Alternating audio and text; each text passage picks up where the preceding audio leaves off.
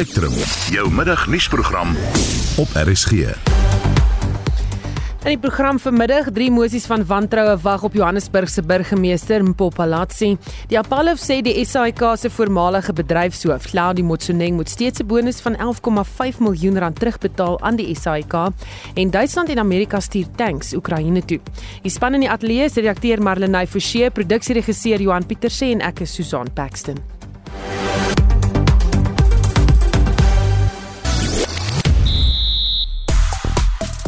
Die Proteas vol vertroue voor 'n deurslaggewende eendagreeks môre teen Engeland begin. Die jongste nuus by die Australiese Ope waar die twee dames finaliste vandag beslis word en Bafana Bafana aanvaller Lyle Foster se skuif na die Engelse kampioenskap word bevestig. Hy gaan aansluit by Burnley. 'n Volledige bulletin volg net na 12:30. Op sosiale media het die hitsmerk SAPS, dis nou vir die polisie, so 'n paar of enkele minute gelede, um, heel bo aangeskuif na waaroor mense gesels. Dit gaan oor 'n video wat versprei word van na bewering 'n vrou in die polisie wat 'n jong seun gedwing het om seks te hê met haar en mense wat sê die video is gruisam. Mense moet ophou om dit te versprei en die polisie moet iets doen daaromtrent. Dis ook die hoofberig vandag op die Sowetan gewees.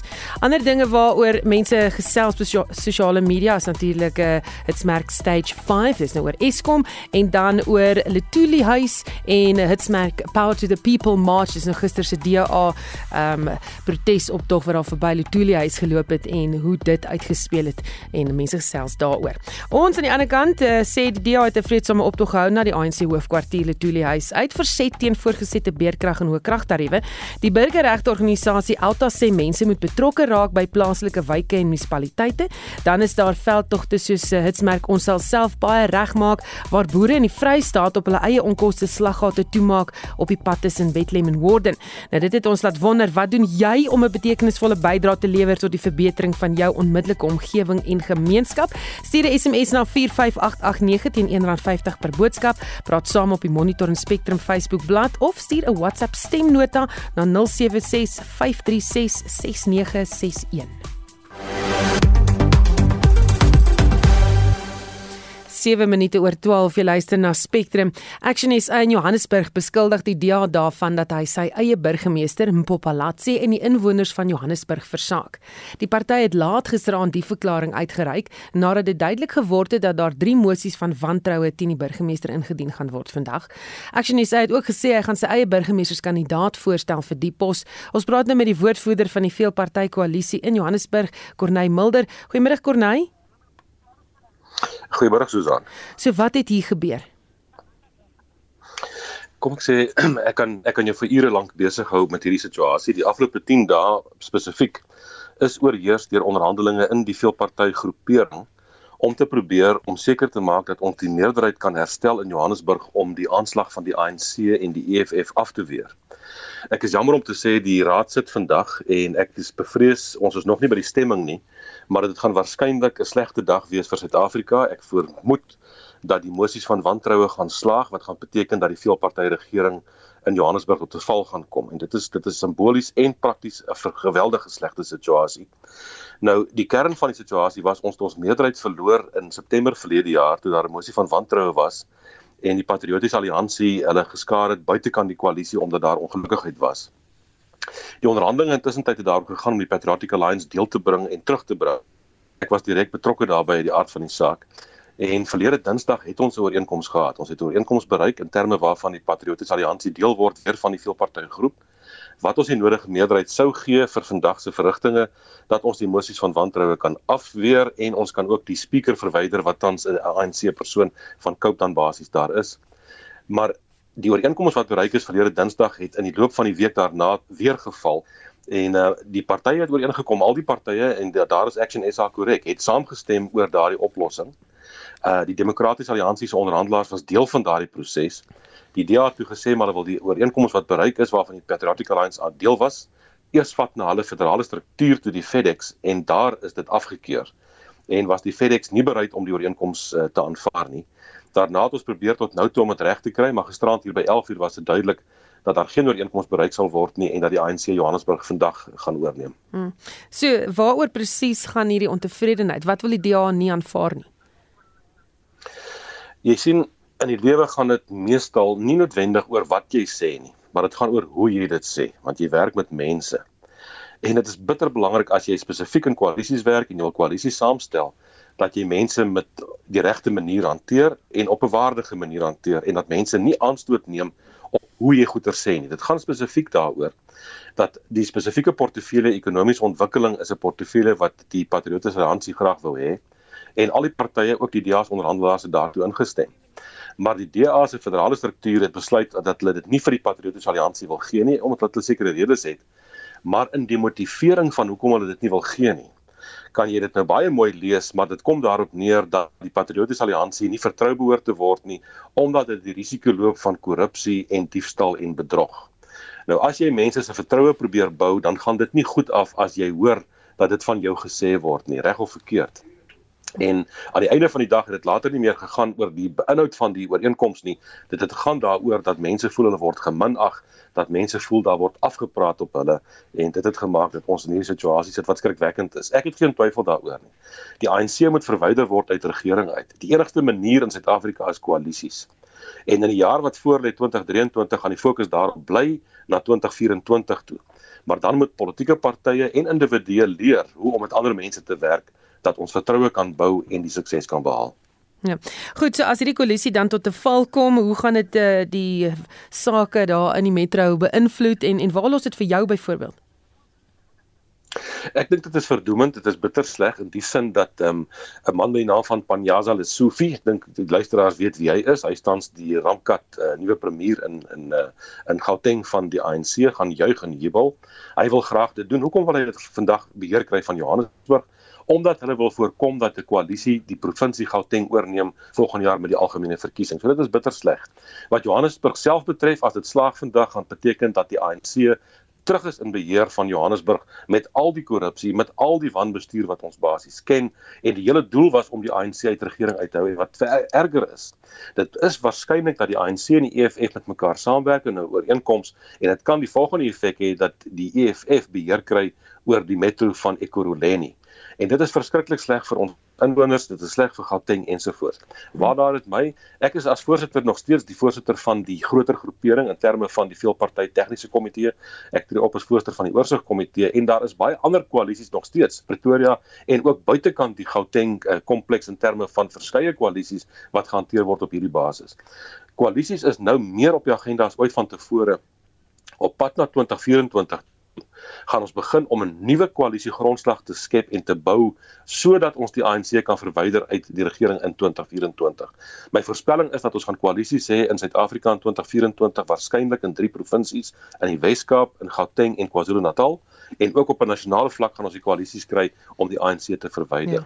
Dit is ons doelwit. Dit is ons mikpunt en die terugslag van vandag is sleg. Dit is 'n terugslag dis nie die einde van die pad nie, maar ons gaan onmiddellik voort om 'n beter grondslag te lê en ek hoop die kiesers neem kennis dat partye en individue wat in die pad staan van hierdie proses gehanteer sal moet word. Baie dankie, dit was die woordvoerder van die veelpartytjie-koalisie in Johannesburg, Corneil Mulder. Ons praat nou ook verder met die politieke ontleder aan die Noordwes Universiteit se Sakeskool, Dr Piet Kroukamp. Goeiemôre Piet. Goeiemôre Susan. Jou indrukke van die gebeure in Johannesburg Metro? Ja, ek dink dit is ja, kyk ons is besig om te leer wat koalisies betref. Dit sal altyd 'n leerproses wees en baie keer gaan die pap grond toe en baie keer is ons suksesvol. Maar die kere wat ons 'n werklike besentlike kans staan om dit dan te maak werk, uh ten spyte daarvan dat geen een van hierdie hierdie ooreenkomste sal altyd volledig wees en sal uh 100% wees wat ons wil hê nie. Partyke moet ons kompromie aangaan, partyke moet ons pragmaties wees. Ek dink in die konteks van Johannesburg, daar's kom die milder is 100% reg die Patriotic Alliance wat eintlik meer dink met die DA verstemme en ek dink dis deel van die probleem wat verder bemoeilik. Uh was bereid om deel te word van 'n alliansie en toe het uh, die DA natuurlik nou sy sy verlede teen hom gehou. Dit feit dat hy 'n uh, kriminele rekord het. Die feit bestaan is as jy dit teen individue van politieke partye gaan jy waarskynlik in weinig koalisies behoorlik uh, gevestig kan raak. Uh mens moet die stelsel vertrou dat die stelsel groot is en individue is en uh, ek dink dit is bitter jammer om mense wat in, in Johannesburg bly As hulle uitgelewer word aan 'n ANC regering, het ons net aansienlik groter probleme. Nou ek moet vir jou sê eh, ek leef vir langer in Johannesburg en ons het al baie regerings ook gehad en dit gaan nie noodwendig baie beter nie, maar die verwagting is dat as die stelsel goed gevestig is, kan ons bepaalde goed regmaak. Terwyl die ANC geen geskiedenis het van goed regmaak in Johannesburg nie, maar in, in die groter konteks van politiek is dit dis 'n absolute tragiese dag dat die FedEx na die ooreenkoms wat die plaaslike onderhandelaars mekaar bereik het, nie bereid was om die toegewings te maak wat die plaaslike politici bereid was om te maak in 'n poging om uh, Johannesburg uit die ANC en die EFF se se, se politieke regime te hou nie. Hmm. Is daar 'n ander keuse as om 'n koalisie te laat vlot? Is daar ander maniere om die stad, uh, jy weet, te bestuur? Ja, Jan en uh, John Steenhuis moet vervang word binne die DA. Ek hulle het 'n leierskapskonferensie in April. Uh want soos dit is uh, uh verhoed hulle eenvoudig vir plaaslike politici om die alliansies aan te gaan wat ek dink goed is vir Suid-Afrika. Jy moet plaaslike politici vertrou met die onderhandelinge. Jy moet hulle vertrou met die ooreenkomste wat hulle aangaan. Hulle het uiteindelik die verhoudings gebou oor tyd. Hulle hulle leer ken mekaar. Hulle is bereid om toegewings tot mekaar te maak. Hulle ontwikkel 'n bepaalde lojaliteit teenoor mekaar. As hierdie besluite elke slag geoorrol word deur iemand wat in Kaapstad sit, gaan jy nooit die tipe van alliansies gevestig kry en staan gemaak wat ons nodig het vir die 2024 verkiesing. Hm. En die Tshwane Metro is dan nou ook gerigte van 'n mosie van wantroue wat ingestel gaan word in die burgemeester, ook 'n metro wat sukkel. Ja, maar ek dink hulle het 'n beter kans. Onthou eh, in in in Johannesburg sonder Patriotic Patriotic Alliance is daar geen koalisie wat die wat die ANC kan teestaan nie. Terwyl daar genoeg partye is uh, om uh, om uh, die ANC uit uit Pretoria uit te hou of uit Tshwane uit te hou. Uh, dis 'n bietjie van ander permutasie, maar uh, dit hulle is waarskynlik op 'n beter uh, voet as as wat as wat Johannesburg gestudeer al minstens daar die koalisiepartye is daar is op 'n beter voet as hierso. Net 'n laaste vraag, hoe belangrik is dit dat koalisies nou moet begin werk? Maar ons moet nou baie baie vinnig leer. Onthou ons het 18 maande dan is die volgende verkiesing. Uh en soos wat Mulder aangedui het, ons gaan in verskeie uh, metropole gaan ons uit 'n koalisies. Ons gaan definitief in twee en waarskynlik 'n derde uh, provinsie gaan ons 'n uh, koalisie hê. Ons gaan heel waarskynlik op nasionale vlakke koalisie. As ons nie nou leer oor hoe hierdie goed werk, as jy sien nou die verhoudings bou van onder af op, nie van bo af nie, van onder af op hierdie verhoudings bou en op 'n grondslag sit uh, waar ons mekaar kan vertrou nie, dan dan gaan ons in 2024 kom en ons gaan eenvoudig nie die vermoë hê om 'n ooreenkoms saam te sit, 'n demokratiese ooreenkoms wat die meerderheid van Suid-Afrikaners verteenwoordig, wat dan slaag om uiteindelik die ANC uh, uit uit uh, uit die Unie gebou te kry nie. Baie dankie. Dit was die politieke ontleder aan die Noordwes Universiteit se Sakeskool, Dr Piet Kroukamp. Te midde van hierdie striwelinge het Palatsi inwoners van Johannesburg toegespreek oor die stand van die kragkrisis in die stad. Sy sê Johannesburg kan nie die huidige vlakke van beerkrag bekostig nie. We're not willing to give up our status as the economic capital of the country. For the period between the 1st of July 2021 to 11 November 2022, City Power experienced 122 days of load shedding, with 2,175 incidents of theft and vandalism. The local power entity raised alarm bells this week when it announced that over the last year it had spent 200 million rands on 390 mini substations due to theft and vandalism. We're losing on average two mini substations per day. This is not the work of amateur criminals, but it is criminality committed by highly armed and resourced syndicates. Sy sê hulle het hulle nou gewend na die provinsiale polisiekommissaris.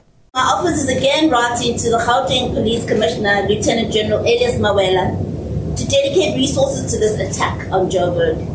Last year, we had a similar meeting with the SAPS leadership made up of the Hawks, crime intelligence, organized crime, which resulted in joint operations leading to a slowdown in the theft and vandalism of critical infrastructure.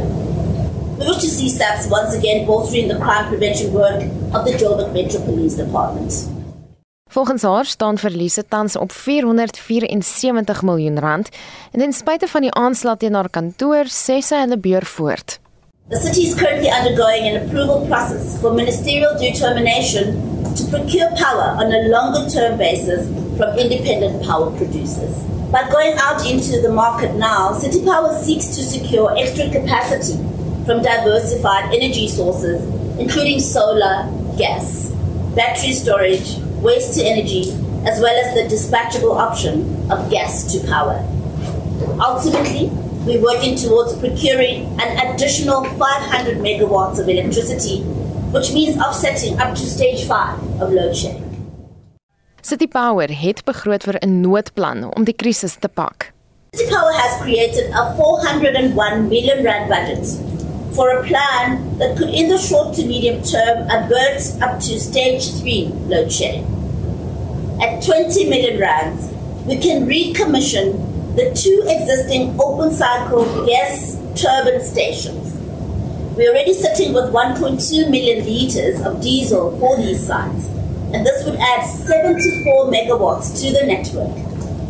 At 85 million rands for a ripple relay system, City Power will be able to remotely regulate high energy use products such as geysers, swimming pool, motors, and the like and this would save 80 megawatts when needed.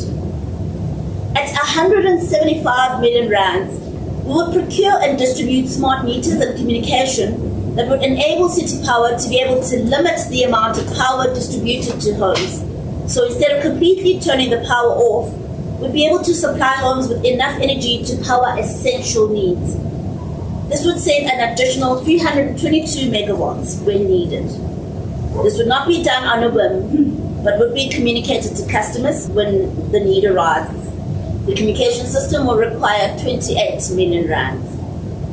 Now, this requires an energy management system upgrade costing 120 million rands that will enable City Power to better monitor, control, and optimize the performance of its transmission system. Unfortunately, as the city, we're not sitting with 400 million rands that can be easily shifted towards this program. We're therefore exploring the establishment of an infrastructure fund, and we will be approaching development finance institutes, the private sector, the provincial government, as well as national government to fund this project. We will be leveraging our status as the economic hub of the country and the good governance practices of the multi party government. Dit was Johannesburg se burgemeester Mpopa Latse. Sy sê indien City Power die geld vandag kry, kan die planne binne 6 maande geïmplementeer word. Marlene Forsie is hy kon nuus. Die appelhof vir die voormalige bedryfshoof van die SAIK, Claudie Motsoeneng, se aansoek om te appeleer teen 'n bevel van die Hooggeregshof om 'n bonus van 11,5 miljoen rand terug te betaal aan die SAIK van die hand gewys. Die SAIK raad het destyds die bedrag as 'n bonus aan Motsoeneng betaal omdat hy 'n kontrak beding het met MultiChoice. Die Hooggeregshof het bevind dit was onregmatig en ongeldig. William Bird van Media Monitoring Africa sê dis hoogtyd dat Motsoeneng aan die pen ry vir die skade wat hy aangerig het by die SAIK. It couldn't have happened to a nicer man. You know, I think that this is it's bitter justice. You know, because the fact that he still hasn't had to atone in any other meaningful manner for the havoc that he rained down on SABC, together with a you know a whole bunch of other enablers and despicable people. At least this does show that justice, while the wheels may turn slowly, at least they're turning, and he's going to have to pay back that money. And I think that that's really good news for the SABC and it's really good news for South Africa generally. Bert sê hy het baie meer skade aangerig as net finansiële skade aan die uitsaier. Look, there's no doubt, you know, aside from just the, the money, I guess on a fairly fundamental level, that's almost ancillary to the harm that he caused.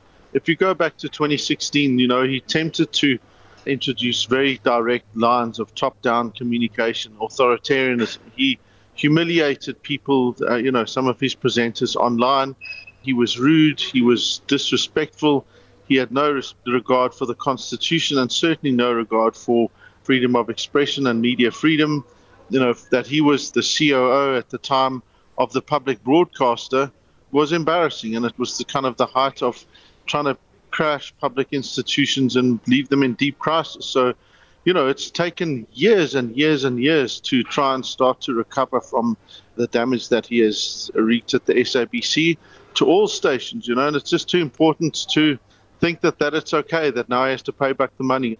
You know, I think he should apologize, but I'm not sure that we'll get that out of him. I just think that when we were defending against um, and trying to make sure that their ridiculous editorial policies, and particularly their ban on covering public protests, you know, remember he implemented that, and when we were challenging that, we said to him when we got there, you know, what are you doing? This is just so clearly and obviously and fundamentally wrong just drop it, you know. And he laughed at us because he thought uh, he was going to let his stooges get away with it. Volgens hom moet 'n nuwe SAIK raad dringend aangestel word omdat die behoefte daaraan daagliks toeneem. Look, there's no doubt that SABC has come a fantastically long way since Motsoeneng and that previous board were kicked out.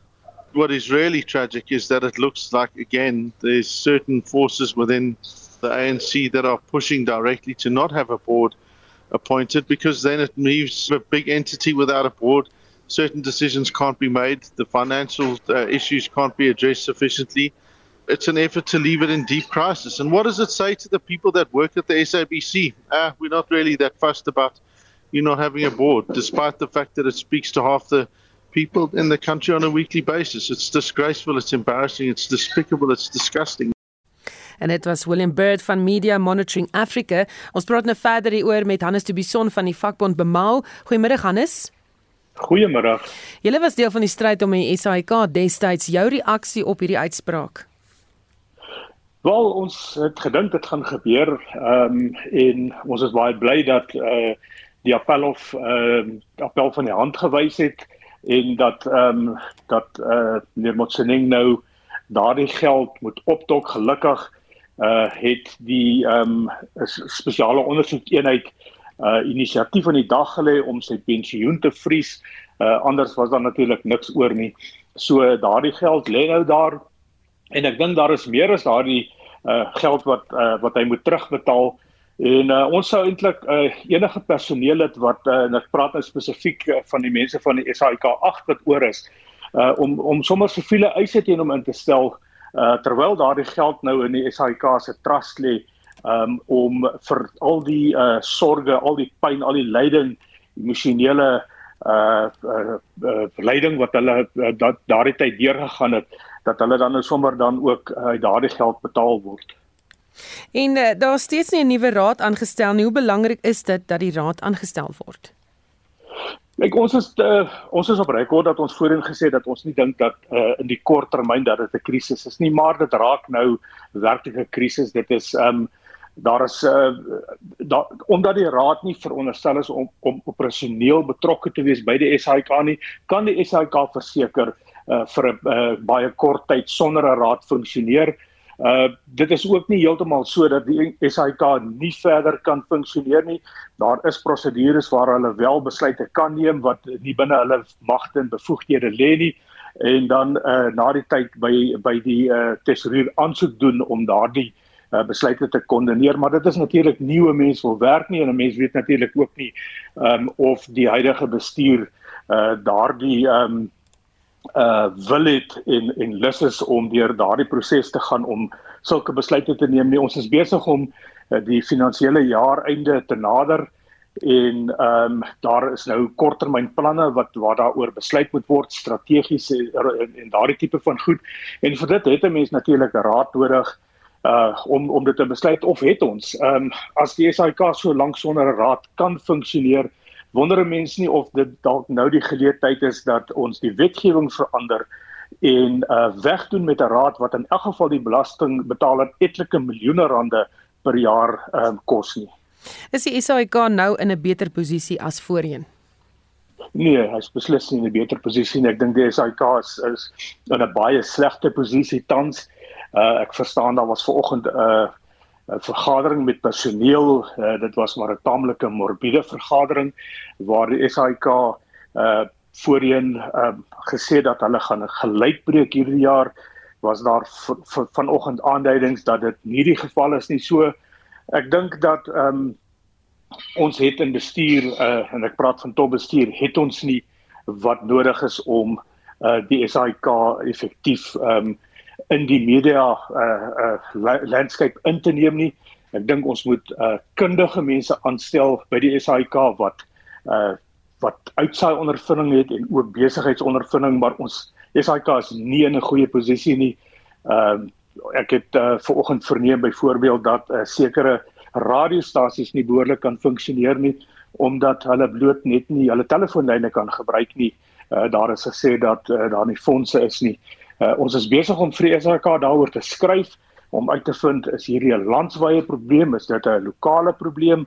Ons verstaan dat daar ook uh, moontlik probleme kan wees met senders. So die SAK is nie in 'n goeie toestand nie. Ja, daar is miskien 'n uh, baie skoner administrasie gewees, maar ons dink nie dat daar 'n uh, regtig besigheidsin in die huidige bestuur is nie. Baie dankie, dit was Hannes de Bison van die vakbond Bemau. Jy luister na Spectrum op RSG. Later in die program hoor ons of jou eie boorgat 'n goeie idee is en die FSA in Suid-Afrika gaan 'n taakspan op die been bring om die onwettige finansiering van handel in wild hok te slaan. Bly ingeskakel.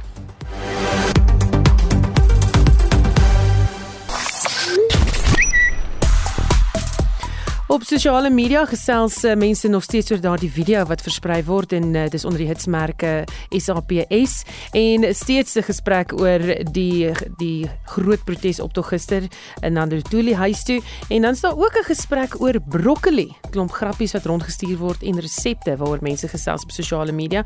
Ons het vir jou gevra wat doen jy om jou omgewing beter te maak? En uh, ons het ook gesê jy kan maar reageer op enigiets waaroor ons gesels as jy lus het.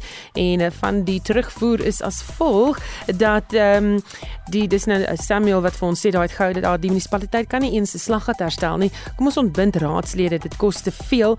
En nog luisteraar wat sê dis Andrei van Brackenfell ek bly in die Weskaap wat behoorlik deur die DA regeer word en omsien na alles so inwoners het nie nodig om iets te doen betreffende enige herstelwerk nie. Dan sê luisteraar meer ons as gemeenskappe als doen minder gaan munisipaliteite diens lewer. So wat word van ons gelde wat ons aan belasting en munisipaliteit betaal? Luisteraar wat dan sê ek betaal my belasting, dis genoeg. En Niels van Valpark in Sasolburg wat sê proudly Valpark, ons doen alles self, kom kyk gerus.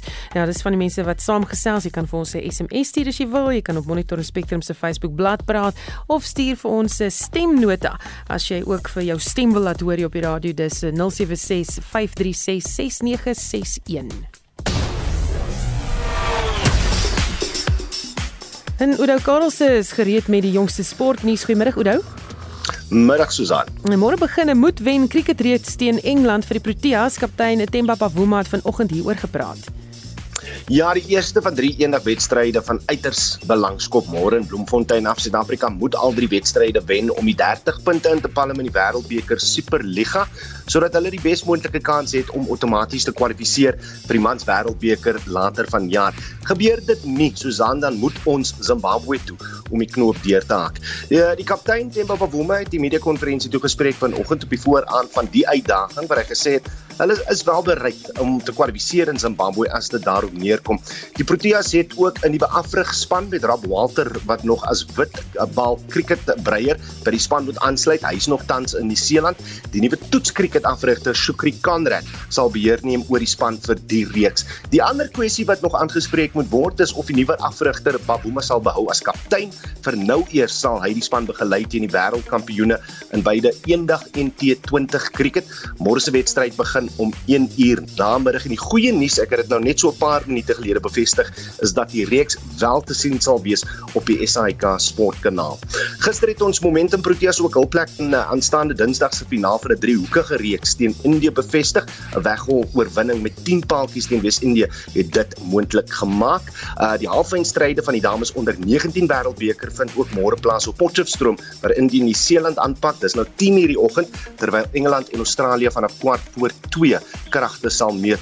En uh, net 'n ander brokkie goeie nuus in is ons eie Marco Jansen aangewys as die internasionale kriketraad se ontleikende speler van die jaar, ondanks die pogings van Indië se Arshdeep Singh, Nieu-Seeland se Finn Allen en Afghanistan se Ibrahim Zadran wat met ons 22-jarige veelsidige speler meegeding het uh, vir die titel.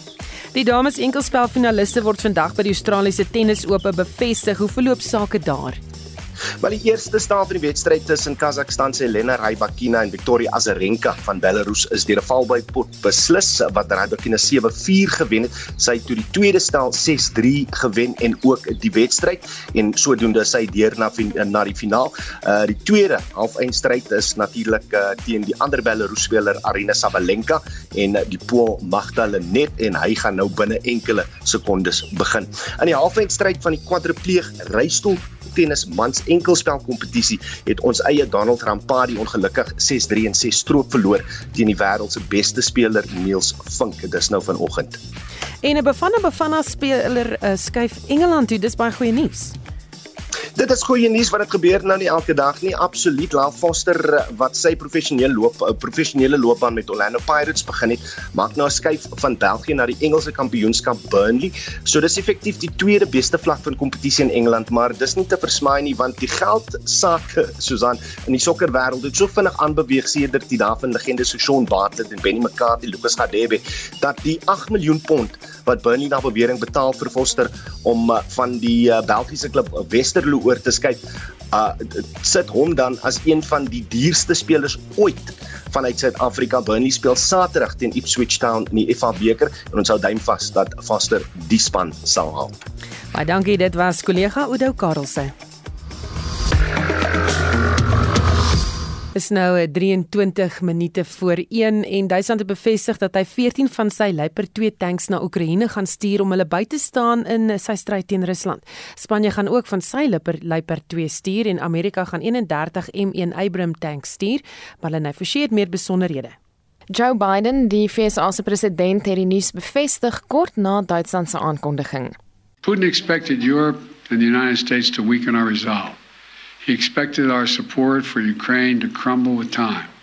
He was wrong. He was wrong.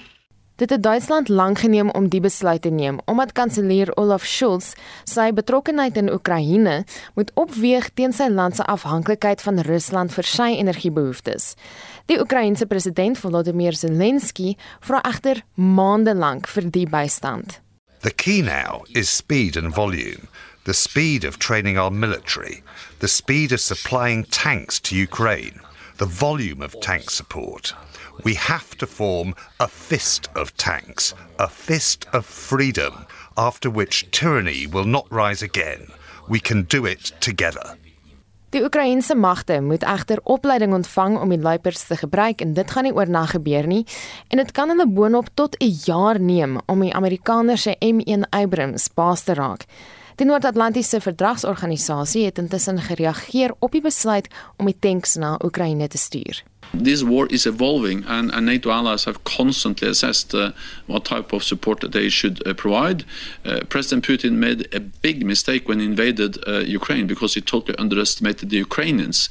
But he also made a big mistake because he totally underestimated NATO and NATO allies and our unity, our resolve to uh, stand by Ukraine, to support Ukraine with an unprecedented level of military support. Dit was NAVO se sekretaris-generaal Jens Stoltenberg, ek's Marlene Forsie vir SAK nuus.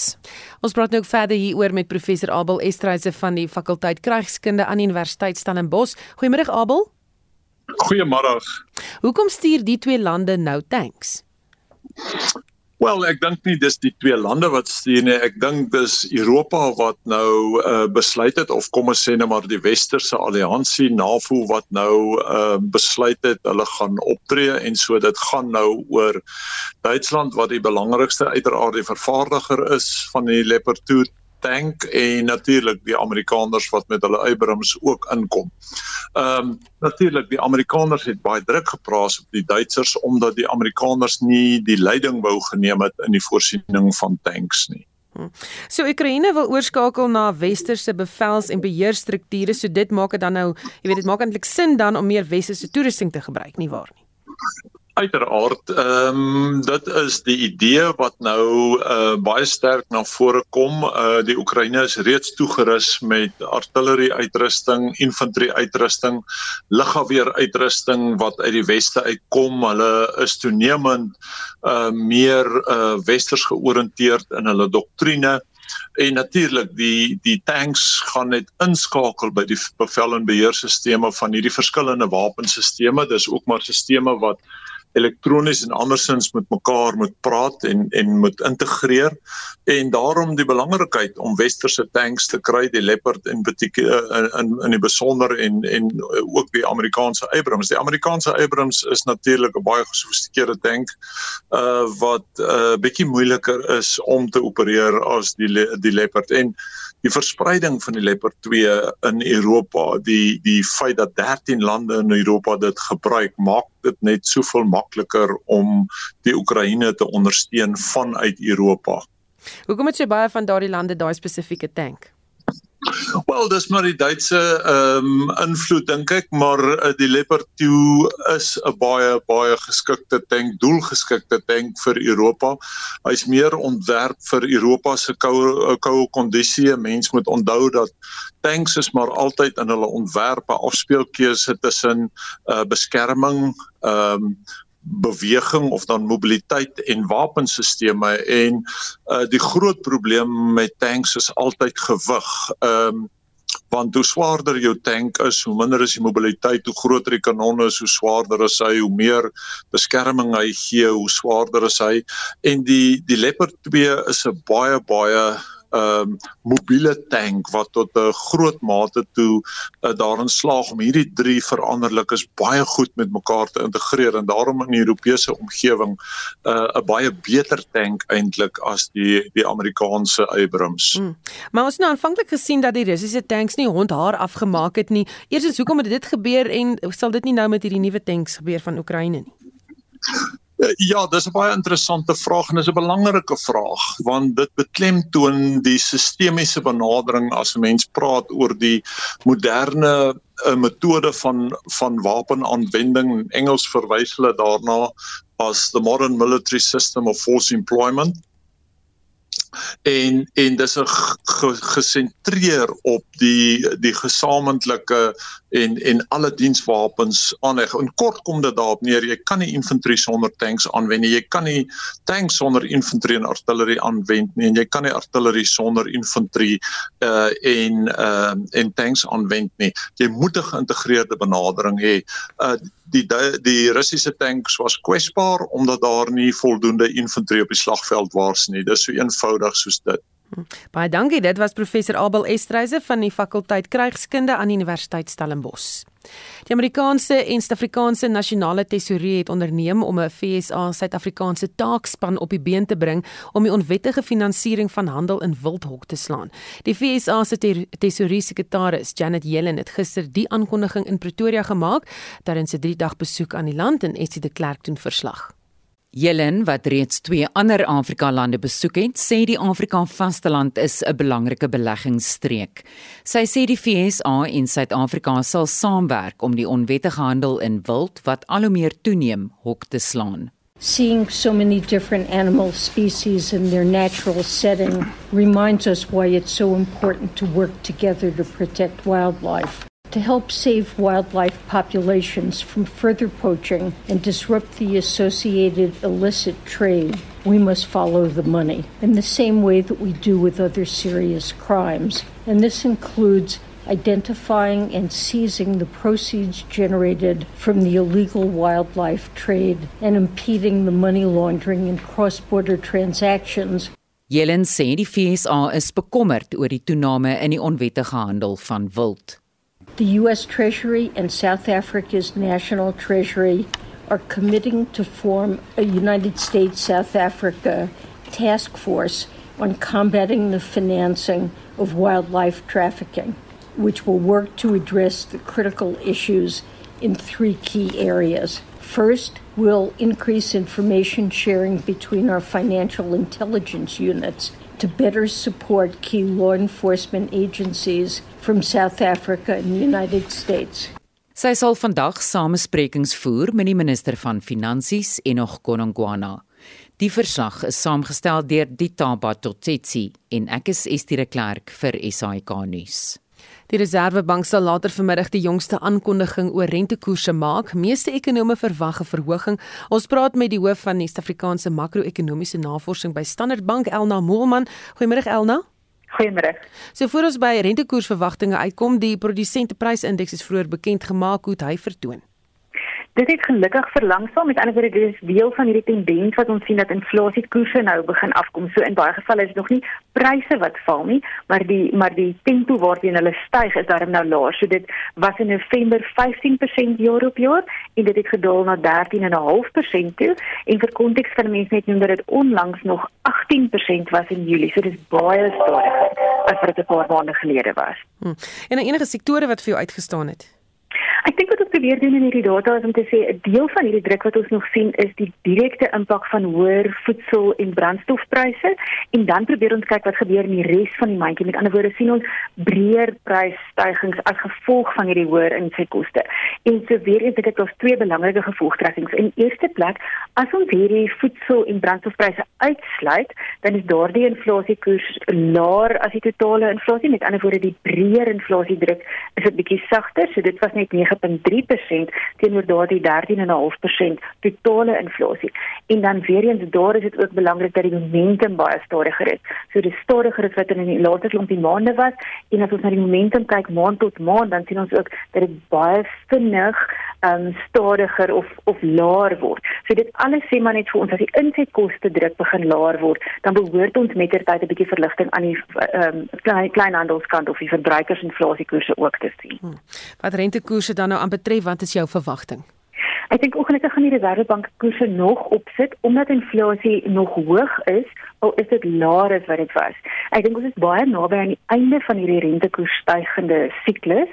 So eh, dalk is dit vandag die laaste verhoging, anders op die laaste sou ek argumenteer maart en ek dink vandag se debat gaan wees 'n kwart persent of 'n half persent en ek dink in totaal sal daar nie meer as nog 'n half persent wees nie. Met ander woorde as dit 'n kwart vandag is, dalk nog 'n kwart in in maart, anders as ons 'n half persent kry, dit dalk die einde. So baie naby aan die einde daarvan omdat ons sien dat al hierdie inflasie druk en en probleme begin verlangsaam, maar ek dink die Reservebank sit nog koerse op omdat hulle bekommerd nog steeds is oor die moontlike risiko's um in die medium termyn. Soos ons nog het, die hmm. produsente inflasie is laer, maar nog hoog en so hulle is dan nog bekommerd oor hoeveel druk ons nog gaan sien al al begin daardie druk dan nou verlangsaam. Baie dankie. Dit was die hoof van die Suid-Afrikaanse makro-ekonomiese navorsing by Standard Bank Elna Moelman. Met weerkrag en toenemende wateronderbrekings wat Suid-Afrikaners se lewens op 'n daaglikse basis ontwrig, begin al hoe meer mense planne beraam om selfvoorsiening te maak om privaat krag op te wek en water te voorsien. Maar om te soek na water op jou erf is nie altyd so maklik soos om sonpanele op jou dak aan te bring nie. En wat is die gevolg daarvan op watersekerheid in die land? Ons praat met 'n geoloog van Clarence Dr. Gideon Groenewald hieroor. Goeiemôre Gideon. Goeiemôre, hoe gaan dit met julle? Met ons gaan dit goed, maar baie mense wil so onafhanklik van die regering as moontlik leef en een manier om so te maak is uh, die sing van boorgate om water te hê uh, in die regering se mislukking in sy mandaat, maar is dit oor die langtermyn 'n haalbare oplossing?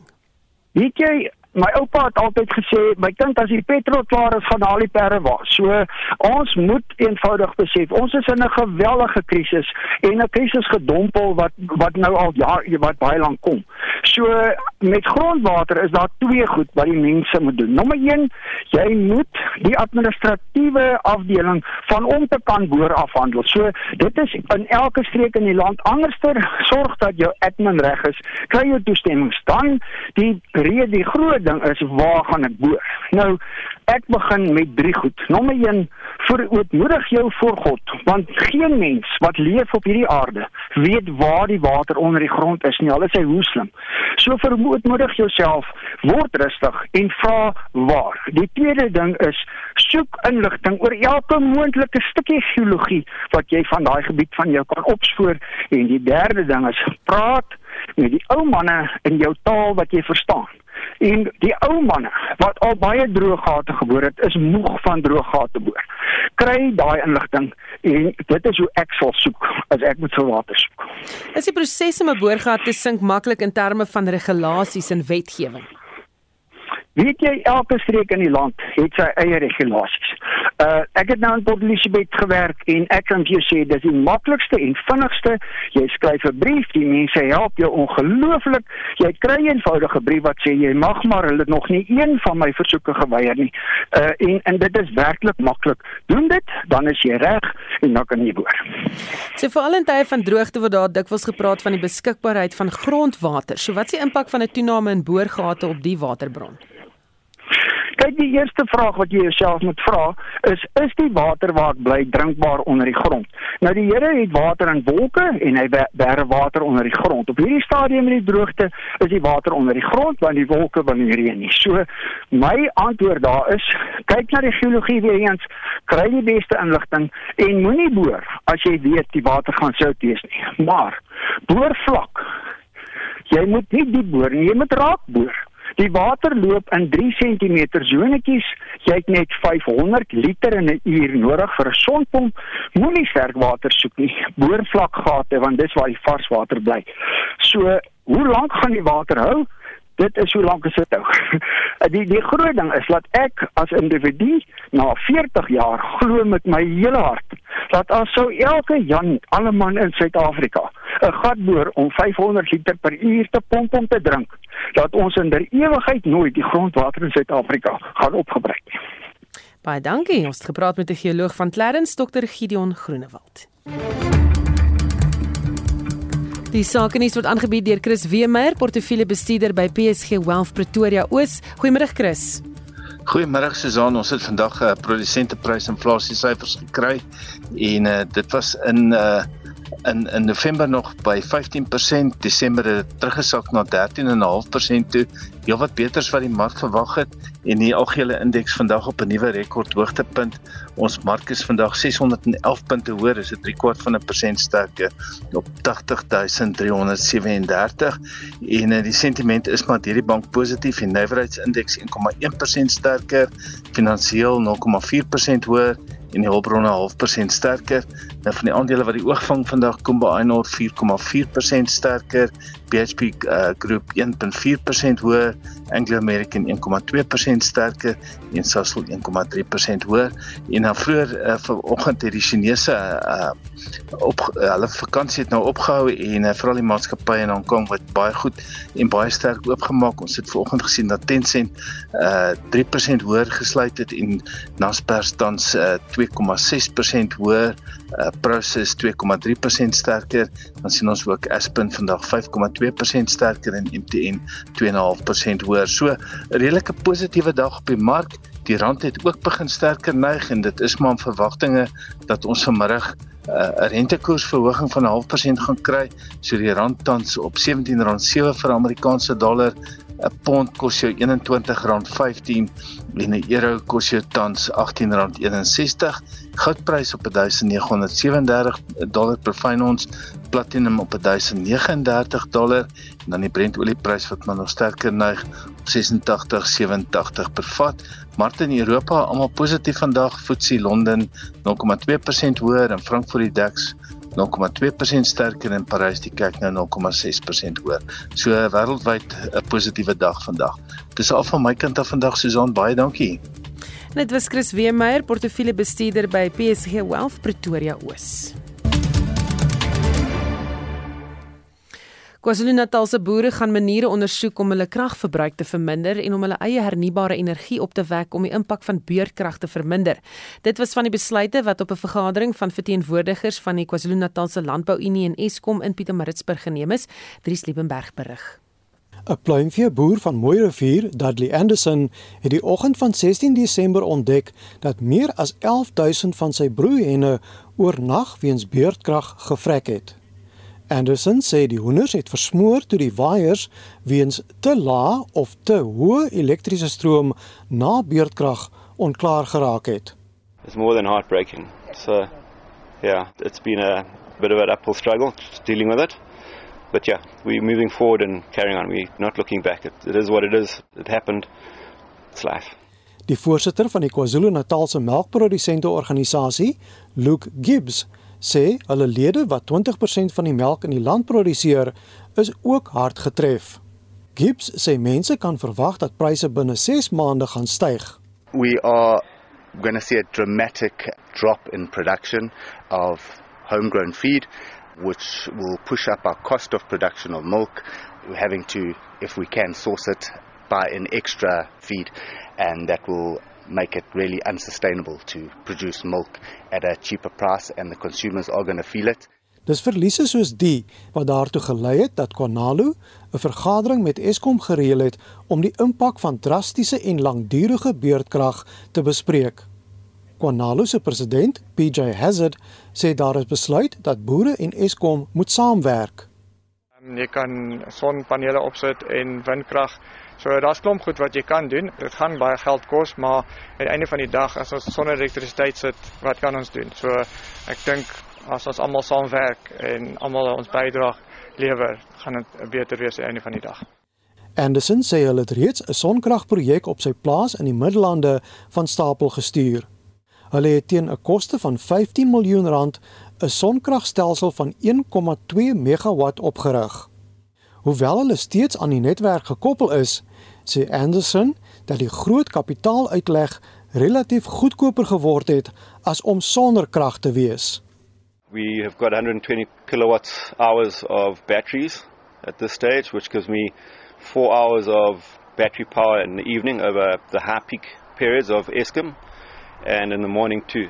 Gives me four hours of the high peak where the cost is the most to reduce the cost. But at the moment, it's all grid tied, so we still rely quite heavily on Eskom. Intussen sê Hazard hulle is boere.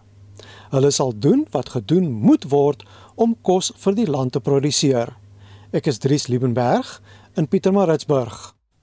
Net so vir ons groet nog 'n brokkie nuus. Die Suid-Afrikaanse Mediese Vereniging eh, Vakbond, SAMATO, wil in drie provinsies staak om die kollig te skyn op werkloosheid onder dokters. Die vakbond wat dokters verteenwoordig sê te veel dokters wat reeds gekwalifiseer is en hulle Zuma jare voltooi het, is werkloos. Dr. Cedric Shilangu, die sekretaris-generaal van SAMATO sê die situasie is onaanvaarbaar. Hy sê ook dat die besluitnemers in die departement van gesondheid elkeen privaat medies het en nie weet wat uh, aangaan op grondvlak nie en hoe benard hierdie situasie is in staatshospitale en klinieke nie. En nog bietjie verkeersnuus voor ons eh, heeltemal moet groet. Ek sien in Kaapstad staan 'n voertuig op die N2 stadtyd net na Botchet Quarry weg, genootbaan daar. Ehm um, dit uh, staan die voertuig in en daar staan ook 'n voertuig op die N2 stadtyd of uitwaarts net na Jan Smit Stryland linkerbaan is gesluit en dan is daar 'n veldbrand op die R300 suid net voor die ou Parelweg afrit linkerbaan wat gesluit is en in Pretoria staan 'n vragmotor uh, op die N1 Noord net voor ou Johannesburgweg linkerbaan uh, wat gesluit is. Onthou uh, dat uh, jy moet inskakel vir brandpunt vanmiddag om kwart voor 6 moenie dit misloop nie asook monitor môreoggend tussen 6 en 7. Ons groet namens ons uitvoerende regisseur Nicoline de Weer, redakteur Marlenae Forsie en ons produksieregisseur Johan Pieterse. My naam is Susan Paxton. Geniet jou middag.